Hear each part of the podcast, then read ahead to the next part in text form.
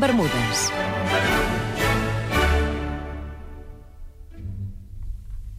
Enric Lucena, bon dia. Ja som aquí.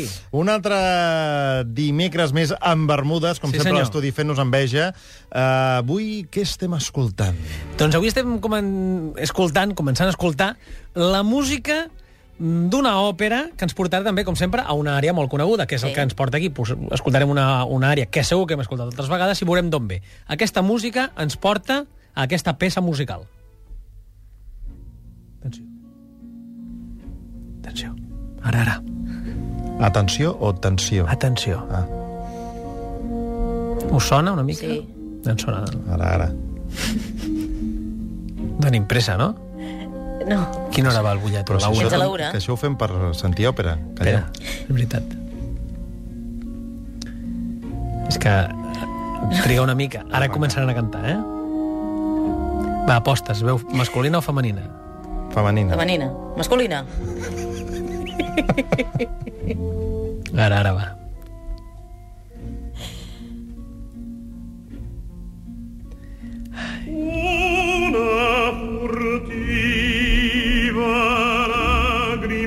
Una furtiva làgrima. És una peça molt coneguda. Aquesta veu femenina, estupenda. L'han cantat veus femenines, també. No de l'òpera, però sí que se n'ha fet versió... Anàvem desencaminats. Anna Moscuri, aquestes coses que es feien abans. doncs eh, Una furtiva làgrima és una àrea que podeu trobar a l'òpera L'Elisir d'Amore de Gaetano Donizetti estrenada a l'Escala de Milà el 1926, i és una òpera bufa en dos actes. Això, una, aquesta peça tan trista, resulta que eh, forma part d'una comèdia. Una comèdia que avui us explicaré una miqueta com va. Gaetano Donizetti, un home que va néixer a Bèrgamo el 1797 i va morir el 1848. Aquestes dades que no serveixen per res, però així en marquem una miqueta. està bé, està bé. On som. Eh, és autor també de Ana Bolemna, La filla del regiment o Don Pasquale, òperes també que ens poden sonar tots, i l'autor del llibreto, que és, el, són els homes que ens porten aquí, el guionista de la història és Felice Romani, i aquesta òpera va ser estrenada al Teatre de la Canobiana de Milà el 12 de maig del 1832. I avui l'Enric Lucena ens explicarà de què va l'Elisir d'Amore. Ara, atenció.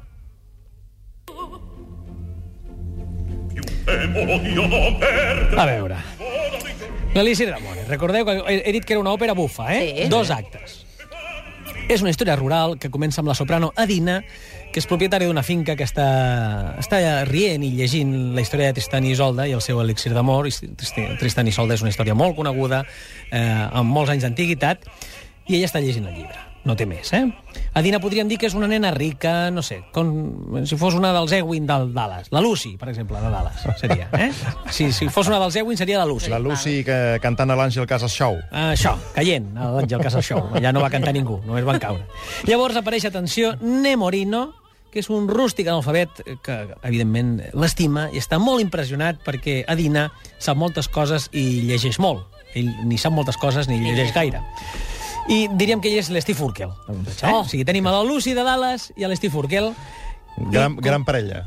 Sí, mm, no l'hem no, no l'hem vist encara. Una mica com los amantes de Teruel. Bé. I atenció, tercer personatge, perquè estem parlant d'un triangle amorós, apareix Belcore, que és un sergent que arriba amb el seu regiment i declara el seu amor també a Dina, dient que es vol casar amb ella. Evidentment, Belcore és més alt, és més guapo, és més fort que Nemorino. Té més bona pinta, no? Com té, a més bona, té, té més bona planta. Eh? Val. Magnum, també, Magnum. També, Magnum, depèn, mira, també Magnum. depèn del muntatge, eh? També Ah, depèn del també muntatge. Però, en principi, el que demanaria el guió és que tingués més planta que, que Nemorino. Ja tenim el triangle amorós i canviem de música, va.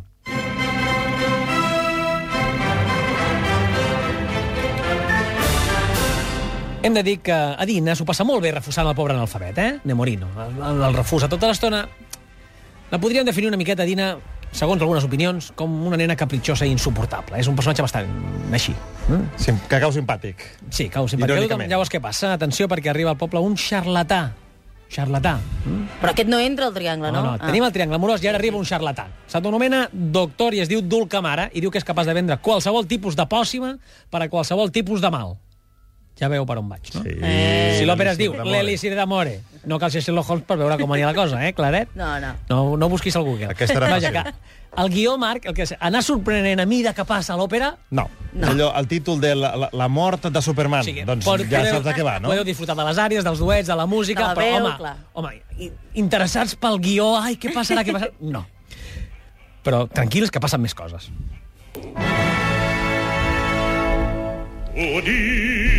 Llavors, Nemorino eh, li demana al xarlatà, al Dulcamara, si li pot vendre l'eli- l'elixir d'Isolda, no? I Dulcamara, que és un fora de sèrie, agafa... No té aquest elixir, no el té. No. Eh, tens un elixir d'amor? Eh, Bueno, no. Ho tinc aquí per, per la papera, Aquí, aquí, per, però aquest no el tinc. Però és un, és, és un fiera i agafa una botella de vi, li canvia l'etiqueta Sí, home. i li ven. I li diu, perquè és un llest, el Dulcamara, li Veu-ne diu molt, que no molt. li farà efecte fins al cap de 24 hores Que és quan ell ja no hi és. que és quan ell ja no hi és.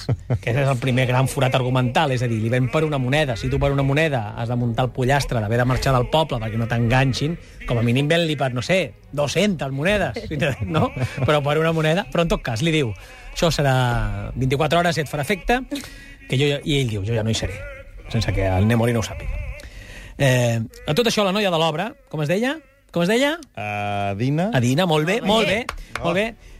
Es promet, atenció, per despit, amb el militar. Veu que Nemorino no li fa cas, Nemorino no li està fent cas perquè li està fent cas a l'Elisir, que és un bordeus, Clar. eh, i està molt content d'haver aconseguit l'Elisir, i diu, ara jo me'l prenc, i demà Ja aquesta està. noia s'enamorarà de mi, ja parlarem d'aquest tema després també. Doncs eh, ella, per despit, agafa i es compromet amb el militar. Però va ràpid, això, trobo, no? Sí. És a dir, això de comprometre's, eh, pim-pam, eh? Espera, que hi ha coses que passen més ràpid. Eh, ell es promet amb Belcore i li diu que es casarà al cap de sis dies. Diu, va, sí, d'aquí sis dies ens casem. Però, Gai Namorino diu, ah, tinc temps de sobre, que ets casat d'aquí sis dies, però jo demà m'haurà fet efecte això, I ja i ella, mi canvia, i ja ella canviarà d'opinió i s'ha acabat el casament. Canvi de nuvi. El que passa és que eh, Belcore rep l'ordre de marxar a la guerra. També tot molt ràpid, eh? En aquell mateix moment, escolta, que a la guerra, bueno, que hem d'arribar, eh, és igual, que hem de tornar. Eh, Que em caso sis dies. és que d'aquí sis dies em caso, eh? és igual. Llavors, eh, Adina accedeix a casar-se aquell mateix dia. Què passa? L'elixir. Que mateix dia. no li farà efecte a Oh. temps a l'elixir. Aquí hi ha el gran conflicte A argumental eh? de, El nus. del gran Felice Romaní, que és un campió eh, que avui en dia no sé on aniria a treballar de guionista. Vinga.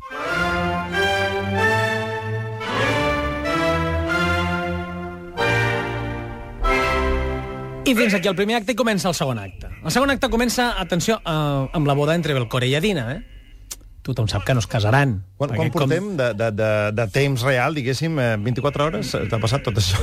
Es Doncs mira, és una, és una gran pregunta. No, no, però tot passa molt ràpid i sense, sense que passin moltes nits pel mig. Van passant les seccions, obrim, i al casament, entre Balcor i Adina, dius, home, no es casaran, perquè ja es veu d'una hora lluny que Nemorino i Adina acabaran junts.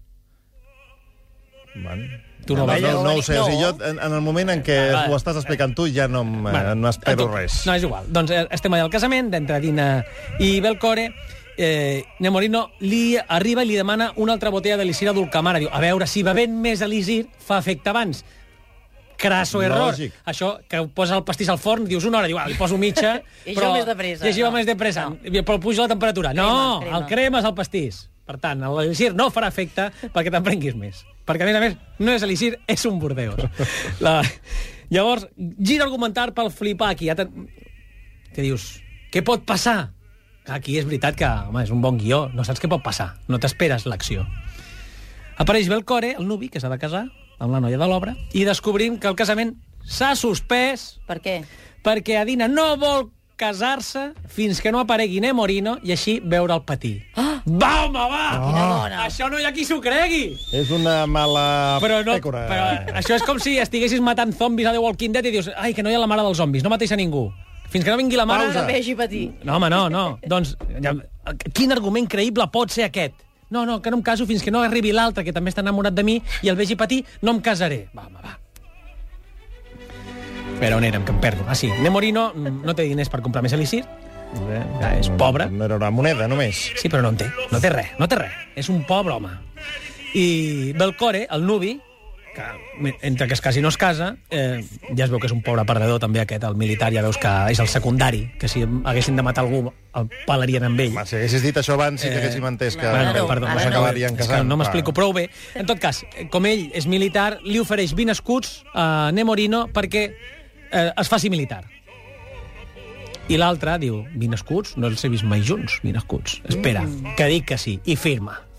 L'altre li dona 20 escuts, i què fa Nemorino amb els 20, els 20 escuts? 20 ampolles d'elixir de Se'n va a la caravana, diguem- diguem-ho així, del Dulcamara a comprar l'Isir i s'ho gasta tot en l'Isir. Interessant, eh? Però atenció, perquè queda el gran gir argumental, hem fet un, però encara en queda un altre, molt més espectacular. Al mateix temps que Nemorino està comprant més elixir i bevent-se a la casa de Dulcamara, Quan arriba ja porta una mica de mm, Sí, cogorza. ara no el veiem en escena i apareixen noies del poble perquè arriba la notícia que Nemorino, el pobre home analfabet, ha heretat una gran fortuna d'un oncle seu. No m'ho puc creure. Eh? Molt bé, Felice Romaní, guionista. I llavors, què passa? Les noies del poble s'assabenten i el van a cercar a la porta de Dulcamara. Ell surt borratxo com una cuba que no pot ni caminar I es pensa i que es és pensa que és l'Elisir. És molt bo, a mi m'agrada molt, doncs. I es pensa que és l'Elisir. Totes les noies se li tiren al damunt i diu, home, aquest Elisir va fantàstic, això és la bomba. Veus com tenia raó? Com més veus, més efecte fa. Uh, I és aquí on ell canta aquesta cançó, cançó tan trista que no és tan trista, el que passa és que quan, si la treus de context, escoltem de nou una furtiva làgrima.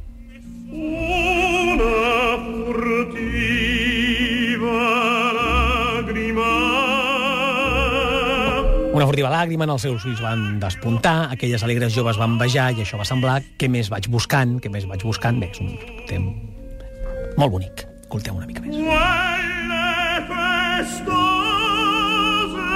giovani Però encara no hem resolt la història. El conflicte argumental encara no sabem com acaba. Clar. Mm? Amb qui es casa? Què passa? Adina, la prota, aconsegueix el contracte que ha firmat ell per fer-se militar, que ella es posa gelosa, veure que totes les dones van darrere de Nimorino. Ah, ara sí. Mm? Aconsegueix el contracte que ella ha firmat i li torna. Ja no cal que vagis al front. Eh? I li diu que l'estima. Clar, ara que té diners, no? Clar. Clar, el militar que s'havia de casar amb ella s'emprenya. Normal, també. Normal. Però se n'havia d'anar al front, no? Sí, sí, sí. Però se n'havia d'anar, però encara no se n'ha no anat. anat. Però escolta, què? Eh, el, I el xarlatà, atenció, acaba proclamant una cosa bastant estranya, proclamant les virtuts del seu elixir d'amor, que és un oh. bordeus, però és que dona la sensació que fins i tot ell es creu que allò funciona. eh, què vull dir? Eh, però hi ha preguntes no resoltes en, aquesta, en aquest argument d'aquesta d'aquesta òpera. Adina es casa amb Nemorino perquè l'estima o per l'herència que aquest ha rebut? És a dir, s'hagués casat amb ell si no hagués rebut l'herència? No ho sabem. No ho sabem. Podem opinar. Ah. Que no, per exemple, que, que per l'herència. O per les Llavors. noies, eh? Per gelos, també. Aquest tema dels elixirs d'amor, no seria millor que l'elixir fos per enamorar-te d'algú? Sí. Qui va tenir la idea de que si tu te'l prens, els altres s'enamoren de tu? No hauria de ser al revés. Magarriga? Sí, sí, totalment, totalment. Doncs fins Va, a aquí. no ser que et canviï la fesomia. Pot, sí, també, però això ja Una seria... mica Dr. Jekyll. Ja estem parlant de ciència-ficció. Un dia parlarem, atenció, d'una òpera que podríem dir que hi ha ciència-ficció. Però això serà més endavant. Eh, en tot cas, Per això és acabar- l'Elisir d'Amore de Donizetti. I per acabar, Què vols? la pregunta que et fem cada dia, si ets capaç de resumir l'Elisir d'Amore en 15 segons Avui o, en, o menys. Avui en menys. És que és tan senzill.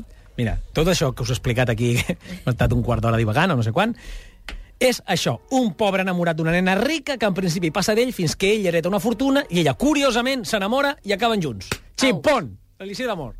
Home, però t'has deixat tot l'Elisir d'Amore aquí? No, home, no, però què, què, no, no, l'Elisir d'amor és una excusa. Aquí hi ha una herència que quan la reps Au. et diuen O sigui que sí. Tu tens clar que és per l'herència. Bé, és una aposta. Enric Lucena, setmana que ve, una altra òpera. Analitzarem l'argument, aquests arguments estrambòtics de les òperes, de les millors òperes que podem escoltar mentrestant, mentre anem xerrant. Enric, fins la setmana que ve. Fins la setmana que ve.